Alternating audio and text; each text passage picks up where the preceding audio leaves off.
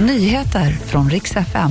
Efter mer än 50 år, USA har landat på månen igen och man stämmer lotteri för missad storvinst. God morgon, det blir en blåsig fredag i delar av landet idag. SMHI varnar för mycket hårda vindbyar eller till och med stormbyar i Värmland, Västra Götaland och i Halland. Och även i fjällvärlden kan det blåsa på ordentligt. Tågen har ställts in på flera sträckor på grund av ovädret så ska jag berätta att USA har landat på månen för första gången på mer än 50 år. Det meddelade NASA i natt. Det handlar om den obemannade rymdfarkosten Odysseus som efter en veckas resa alltså har landat nära månens sydpol. Och detta som en del av de amerikanska planerna på att återigen landa där med astronauter innan år 2030. Så småningom är planen att man ska etablera en permanent rymdbas på månen.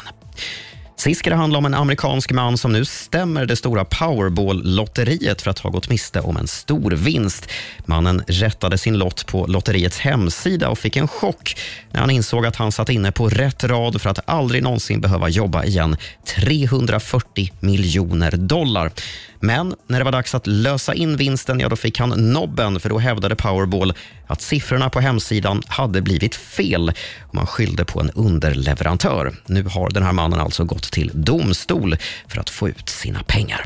Och Det var de senaste nyheterna. Jag heter Robin Kalmegård.